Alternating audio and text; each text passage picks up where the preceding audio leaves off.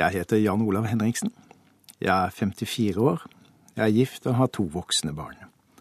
Jeg har arbeidet det meste av mitt yrkesliv som professor i religionsfilosofi. Arbeidet mitt har brakt meg til mange ulike steder, og det er disse stedene og tankene jeg har gjort meg i tilknytning til dem, jeg vil ta dere med til i dette programmet.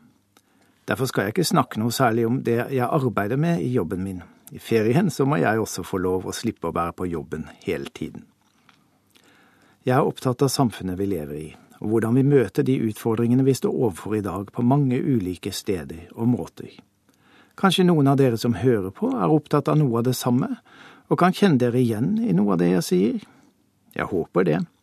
Så velkommen til mitt sommer i P2 og min lille reise til steder og ettertanker.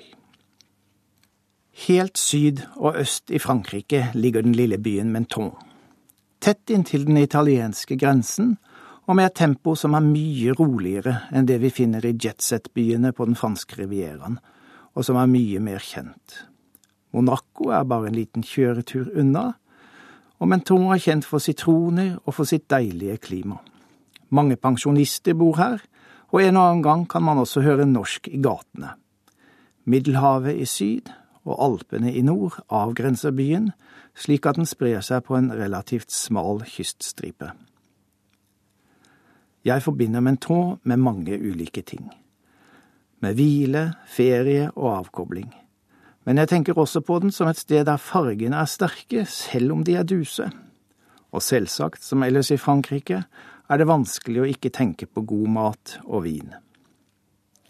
Det er helt tilfeldig at Mentor er blitt en av mine byer. Grunnen er at en av mine kollegavenner for mange år siden fortalte meg begeistret om at han hadde kjøpt seg en liten leilighet der, og han sa at jeg gjerne måtte låne den om det passet. Min venn heter Andy. Jeg nevner ham her fordi Mentor for meg også er forbundet med sjenerøsitet. Andys sjenerøsitet har gjort at jeg har hatt mange gode opphold i Mentor oftest på ferier og kortere opphold, men noen ganger også litt lenger. En gang skrev jeg til og med en bok der. Sjenerøsitet kan det ikke bli for mye av. Sjenerøsitet kan skape bånd mellom mennesker og åpne for gode minner, gode opplevelser, og for at man får sjansen til å ta del i noe som ellers ikke ville vært mulig. Sjenerøsitet er en holdning til andre og til tilværelsen som kan praktiseres av alle. Man trenger ikke være rik for å være sjenerøs, man trenger bare være villig til å la andre ta del i det man selv har å by på. Det er umulig å ikke sette pris på mennesker som er sjenerøse. Mange, og sikkert jeg selv også, kan ha godt i å øve seg i det å være sjenerøs. Sjenerøsitet åpner for at verden kan være noe mer.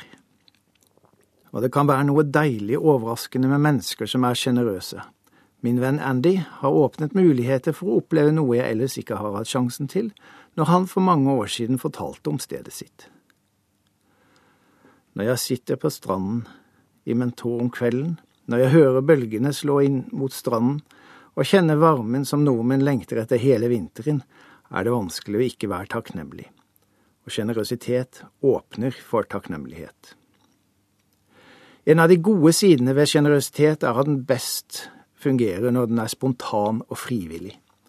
Det betyr ikke at det er umulig å øve seg i å være sjenerøs, men den som er sjenerøs av pliktfølelse, forløser ikke sjenerøsiteten sin ordentlig. En fremtvunget sjenerøsitet oppløser seg selv. Men ekte sjenerøsitet viser at man vil andre mennesker vel, vil at de skal ha del i noe godt. Slik opplever jeg min venn Andy, og slike venner er gode venner. Det skyldes sikkert noe av min oppvekst i Bergen og Arendal at jeg er glad i byer som ligger ved kysten.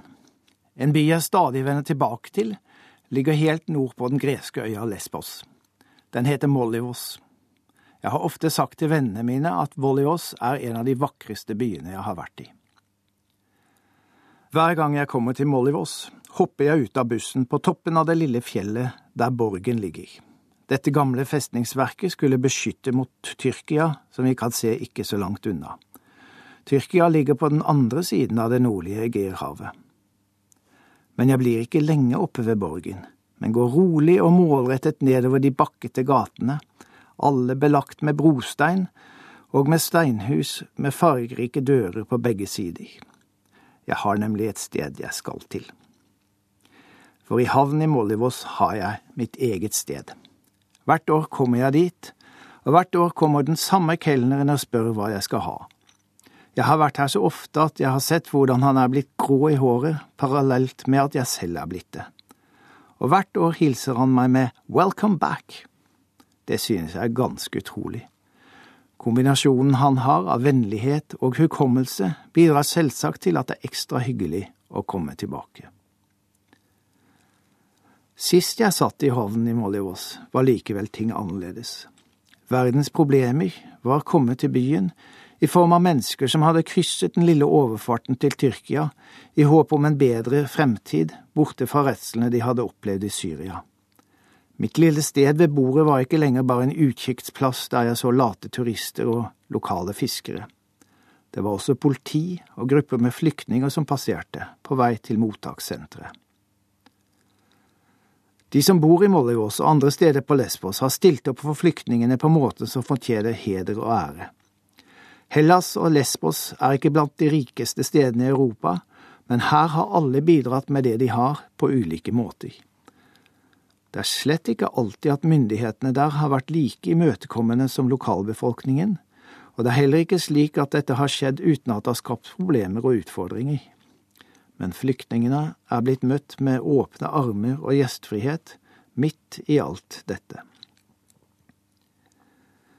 På Lesbos kunne det noen uker i fjor komme mer enn 10 000 flyktninger. Vi snakker om en øy som neppe er større enn Østfold fylke. Men ingen sa det var for mange. I stedet mobiliserte de som fikk se nøden på nært hold. Jeg tenker dette kan være til ettertanke når det gjelder hvordan vi tenker om å ta imot flyktninger i vårt eget land, for vi har mer plass og ressurser enn det som finnes i Hellas. Og Likevel er det vanskelig å oppfatte den norske flyktningdebatten som annet enn at den er mer preget av smålighet og interesse for oss selv enn av omsorg. Molivius er, også etter at flyktningene kom dit, for meg blitt en by som forteller om menneskelighet og omsorg. Det kan ikke bli for mye menneskelighet i verden. De som snakker foraktelig om godhetsregimer, kan ta en tur til Molivos for å se det gode livet der ved bordet mitt, og se at det ikke trenger å utelukke at man viser godhet mot den som kommer forbi. Når det å vise menneskelighet og omsorg blir et problem, da har menneskeheten et problem. Fra jeg var ti år og til jeg fylte 18 og begynte å studere, bodde jeg i Arendal. Denne sørlandsbyen har satt preg på meg på mange måter. Arendal er en kystby. Da jeg var ti–tolv år, kunne jeg gå langs sjøen i Kolbjørnsvik, stikke inn porten til slippen som lå der, og se på dem som pusset båtene sine, mens jeg drømte om å få en båt selv. Jeg fikk aldri båt, men jeg begynte i roklubben i Arendal. Det ga meg anledning til mange gode opplevelser på sjøen. Jeg var med i en firer med styrmann, og det lærte meg mye om lagånd og samhold, om det å akseptere forskjellige personligheter, og om å ha et felles mål. Vi ble riktig gode i den fireren. Litt fra utsiden forestiller jeg meg at roing må være en av de kjedeligste formene for sport som det er mulig å se på TV. Men den som har sittet i en båt og kjent slitet og smerten når du ror 1000, 1500 eller 2000 meter, og gir alt du har, vet godt at dette er ikke kjedelig. For oss var det spennende, slitsomt og ganske gøy. Jeg tenker fremdeles tilbake på årene i den fireren som noe av det beste jeg var med på i ungdommen. Og jeg burde kanskje latt det bli med det, latt roingen være noe som hørte Arendal til. Men som mange andre vil jeg for noen år siden gjenopplive ungdommens kunster og opplevelser. Ettersom jeg bor på Ås og Norges rostadion nummer én finnes der, så ble fristelsen for stor. Jeg fikk med min venn Erling, og vi rodde noen tusen meter i dobbeltskulder. Hver gang vi gjorde det, og det var ikke så mange, så avsluttet vi med en skikkelig 2000 meters hardkjør. Det bør ikke middelaldrende menn gjøre dersom de ikke har krefter til det. To ganger ble viljen sterkere enn ferdighetene, og vi fikk bade i årungen. Vi ler av det nå, Det var deilig å kjenne hvordan kroppen jobber i en slik båt, men etter våre bad der har jeg latt det bli med det. Hadde jeg ikke bodd i Arendal, ville roing aldri blitt en del av livet mitt. Men som sommersport er det en ypperlig ting å engasjere seg i. Og Arendal er en deilig by. Om sommeren. Høst og vinter er det derimot grått, vått og kaldt. Og om du blir lei av å ro eller å bade, så kunne du i hvert fall om sommeren alltids finne deg et svaberg der du kunne ligge og sole deg og tenke på ingenting, eller titte på kjæresten ved siden av og vite at nå er livet godt. Arendal er preget av sørlandskristendommen, og den har sine gode og sine ikke fullt så gode sider. Men en av de gode sidene er at det religiøse mangfoldet i denne lille byen gjorde at vi ikke tok det så nøye med hvor vi gikk på møter eller hvilke foreninger vi besøkte. Det som i ettertid har fått navnet religiøs pluralisme, var det kimer til i Arendal allerede da jeg var ung. Den pluralismen er nok ikke blitt mindre senere. Ulikheten blant oss i fireren, og den religiøse pluralismen i Arendal, har lært meg noe viktig. At mangfold og ulikhet er med på å åpne verden og gjøre den større. Ensretting og monokultur gjør den mindre. At vi mennesker er forskjellige, er derfor en fantastisk mulighet til å nyte verden på flere måter. Og da er sommeren heller ikke det dårligste stedet å begynne. Den kan gi deg en flik av det gode liv og du trenger ikke ha det for deg selv.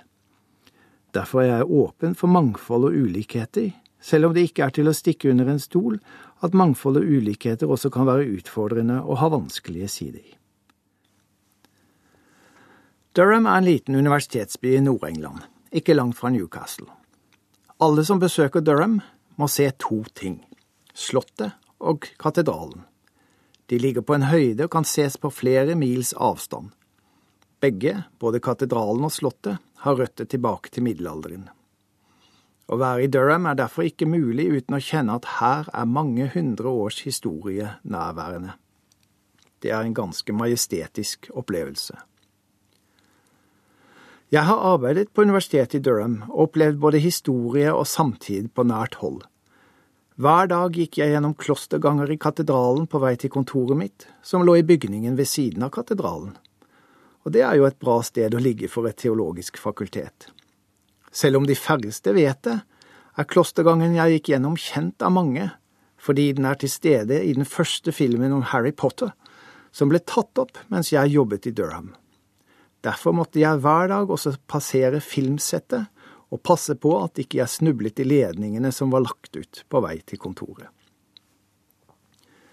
En av mine kolleger i Durham, Douglas, pleide å komme på kontoret litt etter meg. Men ingen var noen gang i tvil om når Douglas var kommet. Han hadde kontor i etasjen under meg, men hver morgen stakk han hodet inn til kontorpersonalet med en eller annen lystig kommentar, som han selv heller ikke unngikk å le av. Derfor fylte latteren hans hele trapperommet fra kjeller til topp hver morgen, og da var det umulig å ikke le med. Douglas og jeg ble gode venner. En gang vi var ute på middag med et par andre, fortalte han at han hver dag forsøkte å bruke et engelsk ord som var i ferd med å gå ut av bruk, for å holde det levende og ikke la det forsvinne, som han sa. Å ta vare på det som har vært, og gjøre det nærværende i vår egen tid, var på en måte prosjektet til Douglas. Og det passet også godt med det som står i den lille lappen du får når du setter deg i benken i katedralen. Der blir du minnet om at du er gjest i et rom der mange har vært før deg, og mange skal komme etterpå. Du kan være der med mange ulike former for innstilling og tro, men du er likevel en del av det mangfoldet av mennesker som har gjestet det store rommet som katedralen er. På sitt beste tenker jeg at religion er nettopp dette. Et rom der vi for en stund kan gjøre det beste ut av det, som vi har fått overlevert fra noen andre. Religion er ikke et rom som skal gjøres mindre, men et der alle skal finne sin plass og form. Det kan vi ikke gjøre på en god måte uten å minnes det som har vært, også. Religiøs hjemmesnekring er akkurat like lite passende som det å forsøke å bevare alt som det en gang har vært. Katedralen i Durham er et levende rom, akkurat som religion på sitt beste er det. Den er et sted der mennesker kan finne sitt hjem for en tid. De som tar vare på historien på den måten, gjør den nærværende og lar nye mennesker få del i den, akkurat som Douglas gjorde det med sine ord. Det er et stort ansvar å ta vare på historien på den måten. Det er også et stort ansvar å ta vare på katedralen og på religion, slik at mennesker kan finne et hjem der og en plass i historien. Kjennskap til kultur og religion er tross alt noe av det som gjør at vi mennesker kan kjenne oss mindre fremmede på jorden, og kan finne vår plass i historien. I to perioder har jeg bodd i USA, men jeg skal innrømme at det er en veldig spesiell del av USA, og neppe den som får mest oppmerksomhet i norske medier. Jeg har bodd i Princeton, som er en liten universitetsby i New Jersey, midtveis mellom New York og Philadelphia. Å bo i Princeton er å bo i en boble. Alle problemer og utfordringer som preger det amerikanske samfunnet, er så godt som fraværende der. De aller fleste er velstående og velutdannet, og universitetet preger hele byen og bestemmer det meste av det som skjer der. Her kommer hver uke akademiske verdensstjerner på besøk, og det gir en unik sjanse til å bli faglig oppdatert eller få nye impulser til å tenke. Men kjører du 20 minutter sydover, til hovedstaden Trenton, er bildet et helt annet. Der er det vold, fattigdom og mye kriminalitet. Kontrasten er slående og på mange måter deprimerende. USA er et forskjellssamfunn der de heldige kan skjerme seg fra den virkeligheten mange andre må leve i, og man ønsker å skjerme seg, da. En av de gode tingene i kirken vi tilhørte der, var at den aktivt gikk inn for å stikke hull på boblen som gjorde slik skjerming mulig. Jeg forteller likevel om Princeton av en annen grunn. Princeton er et godt eksempel på noe av det beste ved det amerikanske samfunnet nemlig den kompromissløse viljen til å satse på utdanning med så høy kvalitet som mulig. Jeg kan ikke unngå å beundre den, og misunne det litt, selv om vi slett ikke er så dårlig stilt i Norge heller. Derfor reiser jeg gjerne tilbake dit, og jeg har fått mange gode venner og mange gode minner fra de periodene vi har bodd der. Sent i oktober 2012 satt min kone og jeg ute og spiste på vår favorittrestaurant i Princeton, Blue Point Grill, som er det beste stedet for sjømat jeg kjenner.